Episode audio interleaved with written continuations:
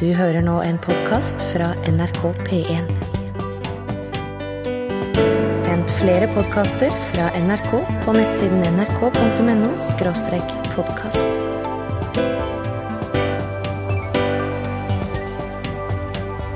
NRK P1. Lyden av rytmeboks er lyden av utakt. Godt humør på mandagskvelden ved Per Øystein Kvindesland og Bjørn Olav Skjæveland. Alt vel, Skjæveland? Ja, om det, ja. Alt er vel. ja. Det er jo herlig å kunne ønske velkommen til Utakt den 24. september, to dager ut i Oktoberfestivalen. Det var Oktoberfestivalen. Oktoberfestivalen starta for to dager siden, og i dag er det 24. september. så dermed Ja, så Dermed så vil jeg gjerne ønske alle hjertelig velkommen til denne her utaktsendinga her, Advent spesial. NRK P1. Utakt NRK P1 den 24. september, og altså to dager ut i Oktoberfestivalen. Ja, og, og, og når du skal begynne å sette deg inn i Oktoberfestivalen, så blir det litt vrient. Når gikk det galt? Nei, det lurer jeg òg på. fordi at eh, når du leser om Oktoberfestivalen, så kan du lese følgende. Altså, festivalen pågår i 16 dager før den første søndagen i oktober. Du får litt sånn påskefølelse her, sånn den tredje søndagen etter fullmåne, etter Balthazar og noe greier. sant? Og her er det da eh, Oktoberfestival som pågår i 16 dager før første søndagen i oktober.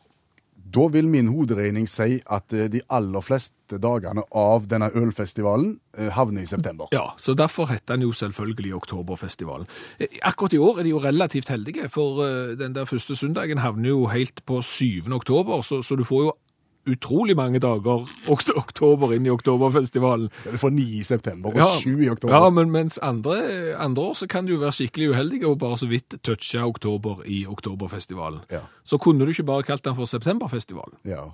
Har det blitt litt mye øl, tror du? Litt store mugger? Det er mulig. Altså For de som ikke kjenner Oktoberfestivalen, så er vel det den festivalen Hvis du bestiller en liten øl, så får du en liter. Ja. Og det er da hun Heidi kommer ned fra fjellene. Ja, med, med to store seidler i hendene og, og har sånn musefletter og sånn, og så har hun gjerne en litt stram topp, og så Ompa til du dør. Ja. Og, og, og det strekker seg jo langt tilbake. Oktoberfestivalen, men på et tidspunkt har det gått galt. For nå er det festival nummer 179. Eh, og da, eh, første gang han ble arrangert, så ble han arrangert den 12. oktober. Da visste de hva de holdt på med. Ja, Ja. Og, du får litt den der følelsen som du også får når du snakker om hundreårskrigen. Altså snakke om ting som ikke holder det de lover. Ja, de har bomma stygt der òg. Ja, altså hundreårskrigen varer jo ikke 100 år. Var- det, du skulle jo tro han varte i 100 år siden han hette det. Men han varer i 116. Fra 1337 til 1453. Ja, altså 30-årskrigen, 1618 til 1648, den er 30 år, og der kaller de ei spade for ei spade, mens 100-årskrigen, 116-årskrigen. det er jo imponerende å, å kunne krige i 100 år, iallfall hvis du har samme mannskapet. Men, men det er jo enda mer imponerende å krige i 116, så jeg ville jo kalt den for 116, eller eventuelt rundt oppover, til 120-årskrigen. Skal du nå begynne å fortelle oss at oktoberrevolusjonen heller ikke foregikk i oktober? Ja, det er 7. november. Er det sant? Ja, det er litt, altså her føler jeg at eh, de er egentlig på, på trygg is, fordi at eh, du kan si at eh, når oktoberrevolusjonen var, Ja. så så hadde, hadde de en litt annen kalender. OK. Sånn at eh, han var egentlig i oktober, men så skifta de kalender, og da var han plutselig i november. Så nå feirer de det i november. Og det er litt som når butikker har nattåpent. De har jo ikke det, da stenger de. Da stenger de midnatt. Ja, Nattåpent er åpent til 24, og det er jo da natta begynner, så det er jo bare tull. Døgnåpent, da har du nattåpent. Kan ikke stole på noen, Skjæveland. NRK P1. Og nå har vi fått et kjekt bilde. Ja, vi har det. For det at vi pleier jo å si når vi starter programmet, at lyden av rytmevoks er lyden av utakt. Vi kunne vel egentlig sagt at Voff! er lyden av utakt. Ja. For eh, et par-tre uker siden så fikk vi en hund oppkalt etter programmet. Bokseren Utakt har sitt dagens lys, og bokseren Utakt ba om T-skjorta i forrige uke. Ja, og lovte å stille med bilde av seg sjøl i utakt-T-skjorta hvis han fikk eh, det. Og, og da er vi jo ikke vunnet å sende ei T-skjorte. Så hvis du går inn på Facebook-sida til Utakt, søker opp Utakt med skråblikk i fokus, så får du et alle tiders bilde av utakt med utakt-T-skjorte. Ja. Det er rørende. Og sånn interaktivitet inn på Facebook, inn på SMS, inn på mail, inn i studio. Sånn liker vi. Ja, det er lov å komme med innspill hvis det er et eller annet du har lyst at eh, vi bør ta opp og sånn. For eksempel så har vi snakket om at eh, oktoberfestivalen er i september og 100-årskrigen er 116 år, men det er jo julebord i advent òg og julemarsipan i oktober, så hvorfor ikke oktoberfestival i september, sier Marit i en SMS. NRK P1. Utakt NRK P1, hvor vi igjen skal snakke om oppfinnelser, og ikke nødvendigvis de oppfinnelsene som så mange har fått gleden av. Nei, for, for det har jo vært en del eh, gode, smarte oppfinnelser opp gjennom som folk har hatt utrolig mye glede av. Det var sikkert gyselig kjekt når den første lyspæra ble tent, eksempel. Ja, Og når julet kom. Ja, for det var jo så utrolig tungt å bære bilene før, så de måtte før julet kom. Så når julet kom, så var nok alle veldig glade. Men det er jo en del oppfinnelser som må kunne sies å ha vært mer i den andre enden av skalaen. Ja, En del oppfinnere som har hatt litt vel mange ja-mennesker rundt seg i utviklingsprosessen, kan du si. Ja, og, og de har vi fokusert på, på de siste ukene. Eller ikke oss, da, for, for vi har jo ikke så god greie på dette, så vi har fått hjelp. Utenfra. Olav Hove, hva handler det om i kveld? Nei, jeg tror vi skal snakke litt om de vi ikke har nevnt. Altså oppfinnelser som på en måte ble laga, men som kanskje ikke helt har blitt den kommersielle suksessen som, som de på en måte hadde fortjent. Et oppsamlingshit vi snakker om her nå. Ja, et slags oppsamlingshit, kan vi kanskje si. det. Eh, Vi kan jo nevne det her eh, japanske oppfinnelsen eh, som skal hjelpe folk som er sterkt forkjølt. Slipp å strekke deg etter, etter Kleenex og slike ting, men du har en egen hatt, en tørkerullhatt, der du kan da dra av etter hvert som snøret renner. Um, det er ikke noe stor suksess, uh, uvisst av hvilken grunn. I idrettens verden skal jeg nevne bowlingsikte, en innretning som skulle settes på den hånda du ikke kaster med. Eh, noe som medførte at eh, samtlige bowlingspillere i verden må skifte teknikk, Eh, som medfører at du må utføre bowlingkastet ditt uh, i en stilling som kan minne om en slags uh, Heil Hitler-posisjon. Uh, ble heller ikke noe suksess. Sikkert uh, for kort tid etter krigen han ble laga. Kan òg nevne den, en av de første solcellelommelyktene. En god idé, selvfølgelig. Miljøvennlig og slike ting, men det var ikke batteri på den. Det betyr at den fungerte utmerka i sterkt sollys, og kun da. Eh, ble heller ikke den helt store suksessen. Så vi kan nevne i fleng, eh, og kanskje eh, en slankemiddel som, som ikke slo helt an. Vi har jo all slags pulver, vet de, men dette her var en mer en slags gadget-orientert slankeinnretning, som gjør på det at når, når, når du fører hånda di opp mot munnen og skal stappe ting inni, så går det en ganske ubehagelig alarm. Noe som medfører at du ikke eter, eller at du eter på en litt pinlig måte, da, sånn som hunder gjør. Eller at du ikke får lov til å snyte deg med eventuelt den hatten med tørkehull, fordi da går alarmen. Ja. I stedet for hatt så kan ha hjelm, drivhushjelm, produsere din egen oksygen. Altså en hjelm der det er hylle med, der du kan ha potteplanter, som der du, der du er egen på en måte, der du, ja, du slipper å stjele oksygen fra, fra resten av kloden. Eh, slo ikke han eh, viste seg at det var på en måte et slags sosialt selvmord. Eh, Fotosyntesen i lyggen. I luggen. ja, ikke sant, for de som har lugg. Eh, men eh, ingen av oss her ble stor suksess. Kanskje til slutt eh, nevne en som må bli en suksess. Altså, det dreier seg om, om eh, newzealandske forskere som har klart å løse en av de store problemene vi har på kjøkkenet, nemlig å, å gjøre løken tåreløs, altså fjerne et eller annet. Dette her er jo selvfølgelig beskytta, men fjerne et eller annet som gjør at du kan skjære løk og ikke begynne å grine. Og det har de klart og fått omtale for. Dette har de fått, eh, fått omtale, og til og med det internasjonale løkhandelsmagasinet Onion World hadde omtalt dette her, og, og tykker det er stor stas. Så dette her må jo bare bli en suksess. Hvordan abonnere på Onion World? Jeg er litt usikker, altså. Det var forholdsvis nytt magasin for meg, altså. Men det, det var til å grine av. Du hører nå en podkast fra NRK P1. Hent flere podkaster fra NRK på nettsiden nrk.no podkast.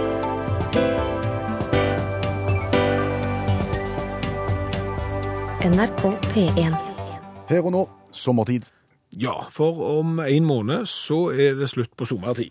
Yes. Det er en artig oppfinnelse. Ja, og det var når vi skulle lese oss litt opp på sommertid at vi fant ut at det kanskje var mer enn bare en artig oppfinnelse. Det var en artig oppfinnelse presentert i en artig form. Yes, Det var jo Benjamin Franklin som først, i første omgang lanserte tanken og ideen om sommertid. Ja, i 17 et eller annet, så, så, så nevnte Benjamin Franklin, velkjent oppfinner, nevnte sommertid første gang. Og han gjorde det ikke i et vitenskapelig dokument, eh, han gjorde det ikke liksom som en matematisk formel, eh, han heiste han ikke til topps, den ideen, og, og ventet på lynet. Nei. Han skrev det rett og slett ned i et essay. Ja, hva er et essay? jeg?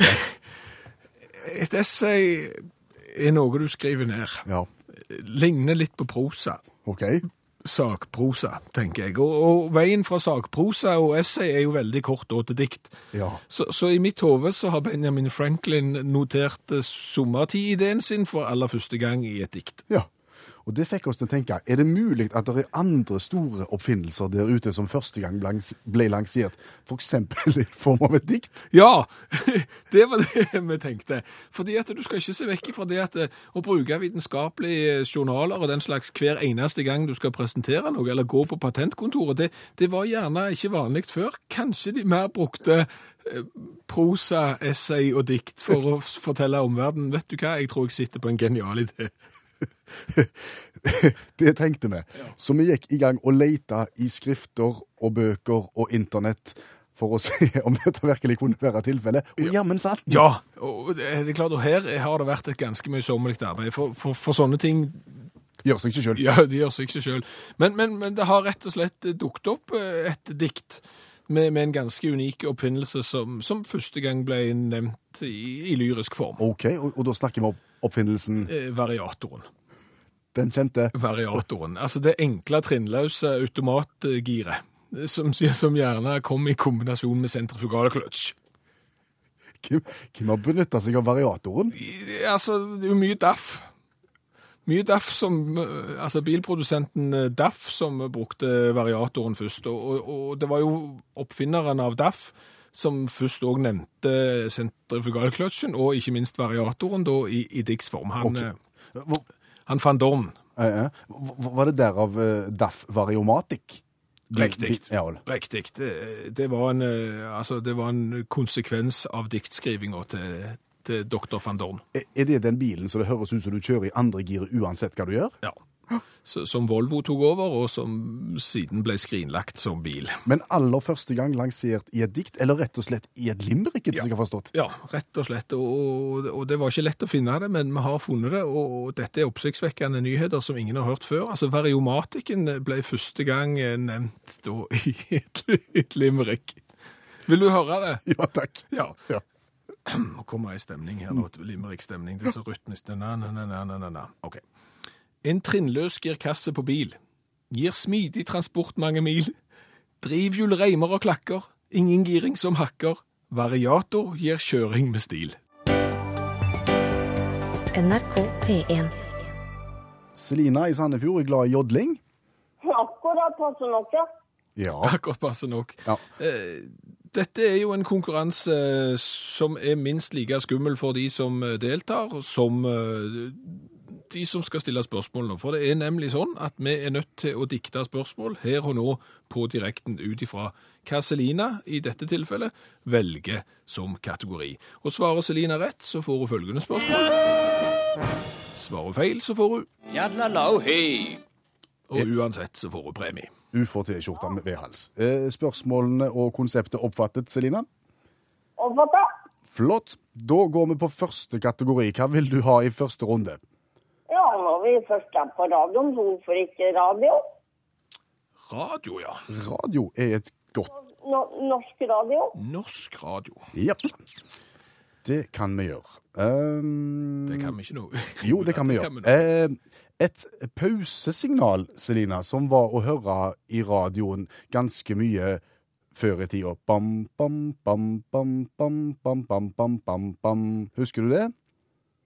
Det er jeg, no det er jeg nok litt for liten til, men Mhm. Det var et signal som Det var da en norsk komponist som har lagd akkurat det der uh, lille trudelutten som ble brukt i forbindelse med pause. Kan du gjette? han, ko han kommer ut fra Larvik i hvert fall. Nei. Var, Nei. Men um, Er det ikke Sondre Nordheim? Jeg kjører sånn. Nei, Så- det så- var jo ikke det. Du sa Sondre Nordheim? Å, det var veldig nært, da. Hvis vi sier Arne Arne Norheim var rett svar, så det det var stang ut. Ja. Ja da. 0,5 rett. Eh, kategori to, Selina. Det må bli sport. Norsk sport. Norsk sport. Ja. Eh, Tenker du med eller uten ball? Ja, det kan både være med ball og ski. Skal vi se, da kan vi Det er alltid kjekkest med ball, og alltid kjekkest med idretter som eh, inkluderer offside. Da snakker vi fotball. Da snakker vi fotball. Og nylig så Nei, det har spørsmålet jeg stilt før. eh, skal vi se Ja! Tidligere landslagskeeper for Norge, Frode Olsen. Klarer du to norske klubber han har spilt for? Han, han har spilt for Lillestrøm. Og han har spilt for Odd. Lillestrøm og Odd på Frode Olsen. Ja, Da tror jeg vi må komme med følgende lyd. Jallalau, hei. Han har vært i mange, mange klubber. Han har vært i Rosenborg, blant annet. Han har vært i Strømsgodset, blant annet. Han har vært i den ikke fullt så kjente fotballklubben Vidar, blant annet. Og Viking og Stabæk, så vidt jeg vet. Og Start. Ja. Men ikke Lillestrøm og Odd, dessverre. Nei. Men ett én kategori til slutt, Selina. Da må vi ta en liten, da må vi ta en liten tur innom norsk musikkliv, tenker jeg. Norsk musikkliv, ja. Ja, det skal vi klare. Du har jobbet i platebutikk, Per Øystein, så da får du ta, Ja. ta jobben med norsk musikkliv. Uh, der er en uh, norsk visesanger, skråstrek kåsør, som ikke er glad i måker i det hele tatt. Hva heter han, Selina? Han het, han heter Odd Børresen. Der satt han, vet du, til slutt. Fantastisk. Han, han ehm, Når jeg nevnte Larvik-stad, så kommer Odd Børresen opp. Så kommer Odd Børresen egentlig fra Tønsberg. Ja. Alt du vet. Da lærte vi òg noe om Odd Børresen. Men da skal det komme ei T-skjorte i retning Sandefjord og Selina, og så får vi håpe at du bærer den med verdighet. Det er jo et uh, veldig flott plagg. Med ved hans. Det, det blir nok. Jeg gir adressa mi ut, jeg. Ja, gjør det. Ha en god kveld fortsatt. NRK P1. Og så har vi fått en fraværsmelding. Ja, Utakt er kanskje det eneste programmet der det er lov å sende melding eh, om at du ikke kan høre på. Og Aud Elisabeth har sendt en melding der hun sier kjære herr Kvinnesland og herr Skjæveland, det er med stor sorg. Jeg må meddele at jeg ikke kan innfinne meg med radiokabinettet i dag den 24. i 9. Grunnen er rett og slett at hun er buden i et større bursdagsselskap i Operaen. Det er nemlig stiftelsesdagen for Norsk Sykepleierforbund.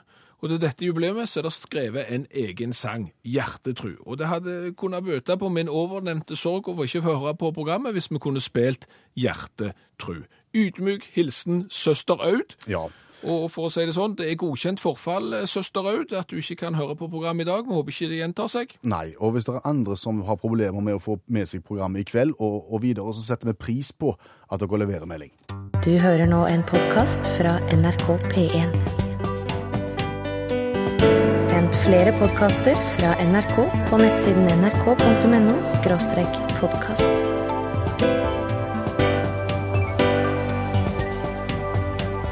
NRK P1. Og nå, folkens, kommer det noe ubehagelig.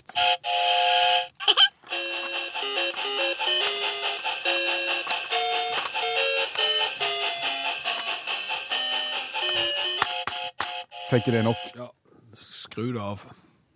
Det var lyden av et eh, plastlokomotiv med Mickey Mus på toppen. Ja, der Mikke Mus eh, jovialt eh, hilser med, med huet og, og styrer lokomotivet. Og så er det noen vogner som kommer ut og inn på baksida. Og trykker du på pipa, Så kommer det altfor høy lyd. og nå har heldigvis flere voksne vært ute og advart mot denne type leker. Det ble altfor høy lyd. Ja, det, så høye lyder bør det ikke være i legetøy for unger. Det kan rett og slett eh, skade hørselen. Men denne her eh, legen her, den har, eh, om ikke du vokst opp med, så iallfall ungene dine vokst Den har jeg slitt med siden tidlig på 2000-tallet. Eh, Den har da fulgt de fleste ungene på veien opp. Ja. Den ble da pakket ned etter at den eldste ble for stor. Men i morges, Skjæveland, ja. så hørte jeg en velkjent lyd. Den var ikke død. Den var ikke død, den var ikke borte.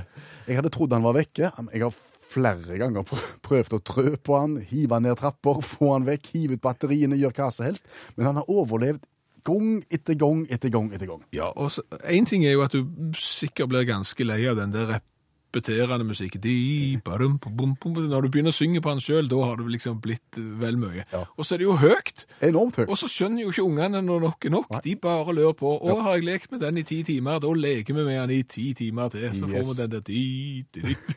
Bare vent, du som hører på radio når du kommer til å gå inn i natten med den sangen på ørene. Jeg garanterer det. Er det den du tenker på?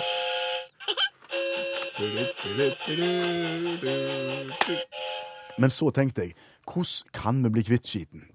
Ja, for, for i utgangspunktet så, så burde du jo kunne gi den vekk, men så kan du ikke det. Nei, du kan jo ikke påføre andre dette her. Ja, du kan ikke påføre andre den lidelsen, og heller ikke den faren med, med den høye lyden. Sånn at eh, Fretex og gjenvinning, det er, det er uaktuelt. Vi gikk til amerikansk film. Ja, for vi har jo sett en del amerikanske film, og der har de noe som er så fiffig at hvis du skyter ett skudd på en bil, så eksploderer den. Ja. Går det an å skyte på toget? Med luftgevær, og eventuelt ja, De gjør jo sånn hester òg, sånn at de ikke skal li. Ja. Så, så, så vi tenker kanskje et litt sånn humant Ja. Human avliving av tog. ja. Jeg tviler på at det kommer til å avgå, skjønner du? Nei, nå, nå, det jeg, kanskje, jeg skal få, det har tålt så mye. nå er det kanskje noen som tenker at det var vel en overreaksjon, og, og våpen og, og barneleger, det hører ikke sammen, og vi ser den at det kan kanskje være litt grann nærmere streken, og derfor har vi også lagt denne programposten såpass sent at vi håper at de yngste og de sarteste har, har lagt seg, men vi håper i hvert fall at vi kan befri verden fra lyder som denne. NRK P1. Og du hører utakt i NRK P1, hvor vi nå skal øh, forsøke noe som ikke jeg er sikker på kommer til å lykkes, men øh, det er nå verdt et forsøk, Skjæveland. Ja, og, og bakgrunnen er denne lyden her. Ja, en irriterende lege med altfor høy lyd og altfor repeterende musikk i. Det er et Mickey Mouse-tog med en smilende Mickey Mouse på toppen som har overlevd de utroligste ting de siste ti år. Nå er spørsmålet vil ei kjegle fra et luftgevær være nok? Ja, og, og skal jeg bare lade, altså jeg Og HMS-en er jo i høysetet her, for å si det sånn. Det er helt tomt i lokalet. Det er bare meg og deg igjen. Du sitter bak om så godt så skuddsikkert eh, glass, og, og skytterveggen er montert, og alt er trygt og greit. Og luftgeværet er lada.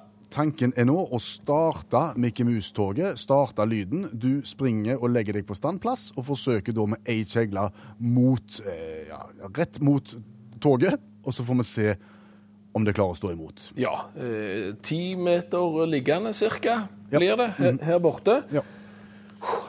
Og da er det bare å, å se Ja. hvem som er sterkest, tog eller ammunisjon. Og jeg beveger meg bortover til standplassen. Nærmer meg. Mikke Mus spiller. Jeg sikter. Jeg er klar. Og Nei. Jeg sa det!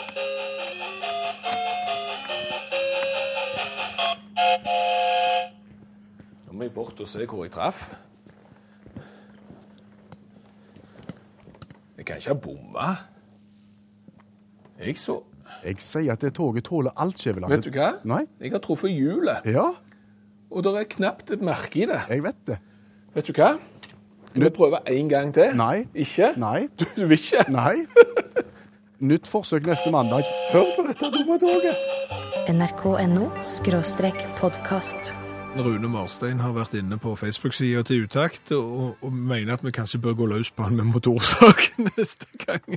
Men, men, men altså, dette er jo et kvalitetsluftgevær vi har fått lånt oss òg. Vi har fått lånt av en eh, gårdeier som, som brukte det til å ta livet av rotter når han var bare konfirmanten, så, så dette skulle egentlig borge for kvalitet. Men det var knapt ei skramme i Mikke Mus-toget. Det er ingenting å si på luftgeværet, Skjæveland. Det er ikke der problemet ligger. Det er pansra stål, dette her. Men altså nye sjanser. NRK P1. Du hører programmet Utakt i NRK P1. Kommer nå og spør, som vi har gjort de siste mandagene. Er fram og tilbake like langt? Ja, og da vil folk si nei, det er ikke det, det er dobbelt så langt. eh, Men vi tenker språkmessig, eh, rett og slett litt matematisk, tenker vi òg. For tar du to ganger to, så får du fire. Og tar du fire og deler på to, så er du tilbake til to. Fram og tilbake like langt virker det samme rent matematisk når du gjør det med oversettelsesprogram på internett. Tar du en norsk sang, overfører den via programmet til et utenlandsk språk, og så tilbake igjen til det norske, er du da tilbake igjen med utgangspunktet? Eh, Svaret så langt i denne serien har vært et rungende nei. Ja, og, og mange har tipset oss om mange gode sanger, og bare fortsett å tipse om det, for det er veldig kjekt eh, å gjøre det. I dag har vi falt for forslaget om å ta denne sangen. Ja, hvordan går det, Skjæveland, hvis vi overflytter Klæbo Bab-sangen til urdu? Det- Altså, det første som skjer er jo at det kommer noen bokstaver fram som du overhodet ikke har noe forhold til, i hvert fall ikke jeg, og så, havner teksten på høyre sida. Det er spesielt. Det er litt spesielt. Du får eh, liksom hele teksten starte på høyre, og, og, og dermed så, så klarer vi ikke akkurat å lese den. Nei. Men vi har en, en følelse av at det går litt galt underveis her, fordi at når vi tar den tilbake igjen fra urdu til norsk, og ser på Klabb og Bab-teksten, så, så finner vi følgende. Hvis vi skal gå det, ta det linja, linja for linja nå. Ja. Her kommer to fyrer som er vant til å gå. Ja, det er to som brukes til konsertine og litt morsomt. Det blei? Det er to som brukes til konsertine og litt morsomt. OK. Ja. Og spille og gjøgle litt for store og små. Den store og små, og jeg ringte Klabb. Mulig at det har gått noen linjer skeis her, men, men noe der omkring. Og jeg heter Klabb og spiller munnspill iblant. Og jeg heter Bab og er en flott musikant. Ja, og jeg ringte Klabb, spiller kort tid munnspill, altså mer sånn korttidsmunnspill, eh, og jeg møtte Bab, det er en stor musiker. Ja, det var ikke galt. Nei. Hør sånn som vi spiller for deg. Hør fine små triller for deg. Ja, som vi ser deg spille, bra for deg, ser liten rolle. Her kommer Klabb, og her kommer Bab, og nå skal det bli Klabb og Bab. Ja, her kommer Klabb, og her kommer Bab, hvis det er kladdeføre og vil babbe. NRK.no skråstrek podkast. Terje Tusland og Claudia Scott, Sammen om hele livet. var ikke de i Bit for bit eh, på fredag, de? Det fikk ikke jeg med meg. Jeg lurer på om ikke de var i Bit for bit på. Jeg ofte lurt på, på Bit for bit og, og, og Nytt på nytt og, det der 20 spørsmål. Er det bare å melde seg på? Ble du hoien nå? Fikk du lyst til dette? Nei, men altså, jeg, jeg, tenker, jeg tenker det må jo være et påmeldings... Det er sikkert et eller annet som går rundt i kantina og i NRK-systemet, eller et eller annet at det bare... Jeg har sett Trond-Viggo har vært der, mange NRK-ansatte har vært der, men jeg har aldri sett en påmeldingsskjema, Altså. Bare lurer på hvordan de... Hvis noen vet hvor det skjemaet ligger, så kan de ta kontakt. så kan... Det er for det de melder Du seg har mye fri på fredagene, du. Ja, altså, det er alltid ren timeplan der. Skal ikke stå på det. Nei. Du, Hva er ditt forhold til Einar Skjæråsen? Jo, han har jeg fått uh, bryllupspresang av. Nei, sier du det? Ja. Det finner jeg oppsiktsvekkende. Det er ganske oppsiktsvekkende, for Einar Skjæråsen døde i 1966. Og du jeg- gifta deg i 1998. Ja. Men du fikk bryllupspresang av han for det. Ja. Mhm. Post mortem? Det viste seg jo at det hadde en, en, logisk forklaring for så vidt eh, etter hvert, når vi bare fikk nøste i det, men lenge så lurte vi på hvem som hadde gitt akkurat den presangen der, med, med nummer 98 på, eh, for det var Einar Skjæråsen. Ja. Og forklaringen? Forklaringen var at eh, kortet inneholdt eh, et dikt på venstre side Ja. av Einar Skjæråsen, ja. og dermed sto hans navn under. Og, så var det to damer som pakte opp og var litt travle før middagen. Ja, og, og over så høyre side av kortet, der det sto hvem som faktisk hadde gitt presangen, og dermed så var det Einar Skjæråsen som havna inn i bøkene, og vi måtte begynne å nøste hvem har vi egentlig fått presangen av. Mm, det var ikke fra Hilde og Carl Gunnar, vel? Nei, nei, det var ikke det. Nei, for jeg etterlyser... det var fra Andreas. jeg etterlyser Hilde og Carl Gunnar. Du etterlyser Hilde og Karl Gunnar. Ja, For når vi nå først er inne på personlige bryllup, Ja. så fikk eh, Er det upersonlige Ja, det vet jeg ikke. Men vi fikk altså da til vårt bryllup ei eh, nesten meter store glassgås. Porselensgås. Ja. Plassert på gavebordet. Hilsen Hilde og Karl Gunnar til lykke med dagen til oss. Ja. Jeg kjenner ingen som heter Hilde, og ingen som heter Karl Gunnar, som ville gitt oss en bryllupspresang. Nei. Og da er det jo lov å spørre var han fin er. Ikke spesielt, men han var spesiell. OK, han var stor. Veldig stor og uhamslig, og den har vært med oss på flyttelasset rundt forbi. Vi har jo tenkt, skal vi kvitte oss med ander nå, eller gåser da? Nei, vi kan jo ikke det. Fordi at plutselig en dag så dukker jo Hilde og Karl Gunnar opp, og hvor er da gåsa? Ja, det, det er litt ulempen det der, altså, med, med, som bryllupspresanger. For når kan du eventuelt bytte de ut, eller la de gå videre i en eller annen fasong? For der er, du må jo ikke stikke under en stol at det er jo en og annen kakespader der som nødvendigvis ikke er et funn. Ja, det er sant det. Og, og, men en god idé fra Hilde og Karl Gunnar. Og at de har klart å holde på det så lenge. det skal de ha. Jeg, jeg ble avslørt, men det tok to år. En kamerat og meg eh, var òg i, i bryllup, og så tenkte vi la oss nå ta en sånn Eli og Karl Gunnar-greie. Så vi malte et maleri. Og, Og alle maleri med respekt for seg sjøl må jo ha et fallossymbol. ja, Det malte vi. Et ganske alvorlig et, for å si det sånn. Ramte inn dette her. Stort var det. Det var på lerret. Satte det på gavebordet og sa ingen verdens ting. ble de glad for det? Det var ganske spesielt å se, for det var en del kunstinteresserte i det bryllupet. Og de kom bort og sto og kikket på dette her og syntes det var alvorlig stygt. Brudeparet tørte ikke si at det var stygt, så de hang det opp på do. Og der hang det i mange, mange år, før vi ikke klarte å holde oss lenger. Så måtte vi si at vi hadde malt det sjøl. Dere gjorde det. Hilde og Karl Gunnar har holdt munnen igjen. Ja, vi malte det da med litt rosa husmaling som vi hadde fått, og litt sånn annen Butinox og sånn. Det er sikkert flere tilsvarende historier der ute. og Hvis du sitter på en god bryllupsgavehistorie, enten den ene eller den andre veien, så, så ta gjerne kontakt. Ja, send en SMS til 1987, start meldingen med utakt, eller så går du inn på Facebook-sida til utakt, og så skriver du hvordan du opplevde å gi, eller å få en litt utenom det vanlige bryllupspresang. NRK P1. Utakt NRK P1. Og apropos bryllupspresanger og, og, og den slags. Eh, Trine Lise melder at hun slår oss. Ja, for når hun eh, gifta seg, hun skrev her min første mann, en ulv. Eh, de fikk da bryllupskake av Trine Lise og Ulf, så det sto Elinor og Kjell Olav på. Bryllup, bryllupskake. Ja, Det er trivelig. Er det da en annen kake der det står ja? Det er jo fiffig. Det minner meg litt om et eh, bryllup jeg var i, der presten konsekvent gjennom hele vielsen, uten unntak, kalte bruden ved feil navn. Så, sånn helt feil. eller? Helt feil. Det ligner ikke på Hildegunn engang. Og er du da gift? Strengt tatt. Ja, det er et godt spørsmål. Det er et godt spørsmål. Hvor lenge skal en oppvaskmaskin vare? Det er et annet spørsmål. Den skal vare til akkurat garantitida er gått ut. Da skal den slutte å virke. Lauritz spør her. Oppvaskmaskinen gikk i en fæl utakt her en dag. Jeg vil ha nye, sa kona. Nei, sa jeg, vi fikser han. Ja, men han er 32 år gammel, skrek hun, og så var vi i utakt. Eh, lurer derfor på hvor lenge en kan forvente at en oppvaskmaskin skal vare. Hilsen Lauritz. Ja, da tror jeg at det rett og slett må si sånn, Lauritz, at etter 32 år så, så kan du jo rett og slett si at den oppvaskmaskinen kan du bytte ut. Eh, Bestemor mi hun har et kjøleskap. Det kommer fra USA. Det ble lagt i 1940. Det sviver ennå. Og vi tenkte nei, selv om det sviver, så må det ut. Men det kjøleskapet det var så tungt at vi klarte ikke bære det ut, så det står ennå. Så med mindre oppvaskmaskinen er så tung at du ikke får den ut, så bytt den ut. Merket er det amerikanske, husker du det? General Electric. Å, ja, ok. Men fru Lauritz, hvis du hører på du også nå, eh, du kan si at dere skal ha nye. Jeg tror vi kan si det sånn. Ja, og så har vi jo i dette programmet her snakket om uh, ting som er, heter litt rare ting. Altså 100-årskrigen som jo varte i 116 år, og oktoberfesten i Tyskland som stort sett utspiller seg i september. Jepp. Den er allerede godt i gang, årets versjon av Oktoberfestivalen. Ja, og fikk da en historie på SMS her som Gunnar har sendt til 1987 og startet med utakt. Var på oktoberfest i Tyskland for noen år siden. Dro selvfølgelig i september, og meningen var at det skulle bli en langhelg. Ja. ble litt kraftig akterutseilt. Ikke bare noen dager, ikke ei uke, men to uker og, én en dag. Men da var det jaggu meg blitt oktober. NRK.no skråstrek podkast.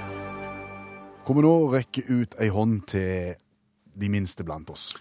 Ja, for, for vi har jo tatt mål av oss i dette programmet Utakt, og, og gjerne slippe til interesseorganisasjoner som normalt ikke kommer gjennom nåløyet til media. For eksempel de som sliter med bare to medlemmer. For, for, for eksempel, for normalt sett så liksom eh, NAF, Norges Automobilforbund, stor organisasjon med mange medlemmer, de får lov å mene ting. Huseiernes Landsforbund får lov å mene ting. Eh, Store politiske organisasjoner får lov å mene ting. Men eksempel LOF har normalt ikke fått lov å mene noen ting. Nei, Loff med sine to medlemmer. Ja, Landsorganisasjonen for flinke folk. ja. De er bare to. Ja, de er bare to, og hadde jo sagt ja til å stille opp i dag, og etter det så har vi prøvd å få tak i dem, og så har de ikke vært å få fatt i. Så Loff var ikke spesielt flinke i denne anledningen. De var ikke så flinke på tilbakemelding. Nei. Eh, og så gikk vi videre da, for det er òg en eh, organisasjon som heter Oase Bilklubb, som er overkjørt av sin egen bil. Klubben, Oase. Og, og teller hvor mange medlemmer? Én. Ett medlem. Ja, eh, han har jeg snakket med. Eh, han- var mer enn villig til å fortelle sin historie og hvorfor han har organisert seg i sin egen klubb, men han hadde ikke lyst til å stå fram i det offentlige. Nei. Bakgrunnen for Oase bilklubb, Ja. den strekker seg 30 år tilbake. Okay. I mars eh, for 30 år siden så var det eneste medlemmet i Oase ute og kjørte bil, en firehjulstrekte bil, og skulle da ta en snarvei gjennom skogen. Det endte med at bilen satte seg fast. Okay. Og hva gjør du da når du er alene? Du må ut og skue. Du må ut og skue sjøl, så du setter på en måte bilen i gir, eh, sånn at han kan være i stand til å kjøre, og så går du ut og hjelper til. Ja. Og plutselig så løsner det. Bilen følger da eh, sine egne spor tilbake igjen, og, og eieren springer da etter og klarer på et litt rart vis å havne inn under sin egen bil. Og deretter stifta han da organisasjonen for oss som er overkjørt av egen bil. Ja, og det gikk veldig greit med, med sjåføren. Han kom stort sett fra det uten alvorlige skader, og bilen klarte seg brukbart helt til han traff et tre. Har organisasjonen et valgspråk? Nei, hva skulle det Nei, jeg vet ikke.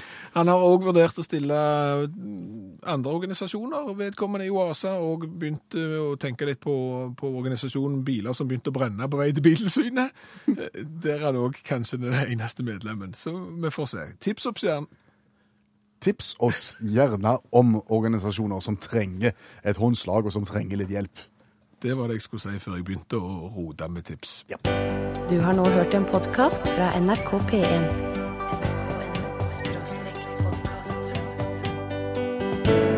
Flere podkaster fra NRK på nettsiden nrk.no podkast.